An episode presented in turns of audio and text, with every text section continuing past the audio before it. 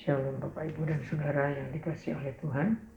Kita berjumpa kembali dalam acara perjalanan rohani dan tidak terasa hari ini kita memasuki hari yang ke-13 di bulan Februari yaitu hari Sabtu. Bacaan Alkitab kita kita ambil pada hari ini dari Kolose 2 ayat 6 dan 7. Dan kita akan baca kita akan lihat dan saya akan bacakan bersama dengan saudara untuk memperhatikan Kolose 2 ayat 6 sampai 7. Mari kita buka kitab suci kita. Demikian bunyi firman Tuhan. Kamu telah menerima Kristus Yesus, Tuhan kita. Karena itu hendaklah hidupmu tetap di dalam Dia. Hendaklah kamu berakar di dalam Dia dan dibangun di atas Dia.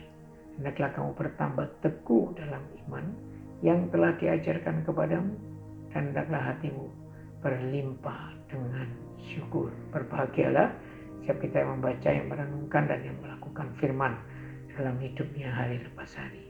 Amin.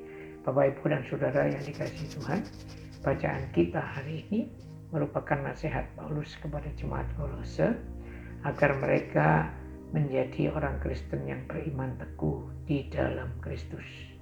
Di tengah-tengah adanya ajaran sesat yang sedang mereka hadapi.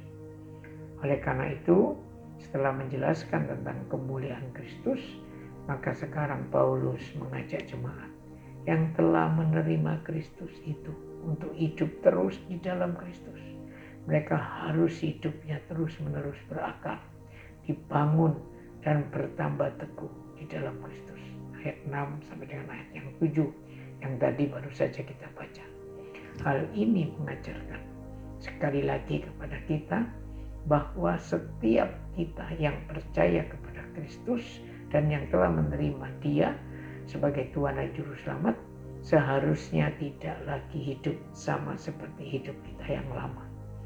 Sebaliknya kita harus terus semakin berakar pada Kristus, dibangun di dalam Kristus, dan semakin beriman teguh di dalam Kristus. Biarlah kita boleh semakin mencintai Kristus mengasihi Kristus dan hidup terus bagi Kristus.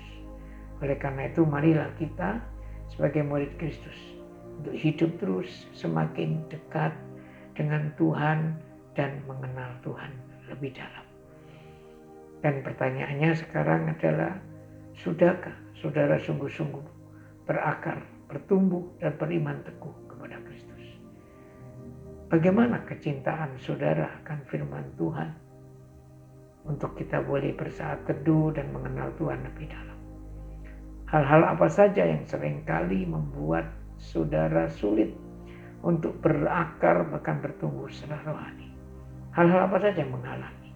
Mungkin kesombongan, kemalasan, kesibukan. Mari kita periksa diri kita. Dan apa yang harus kita lakukan sebagai murid Kristus. Ya tentunya biarlah kita terus mau belajar. Semakin dekat dan berakar bertumbuh dan beriman teguh di dalam Kristus. Kiranya Tuhan memberkati Bapak Ibu sekalian. Amin.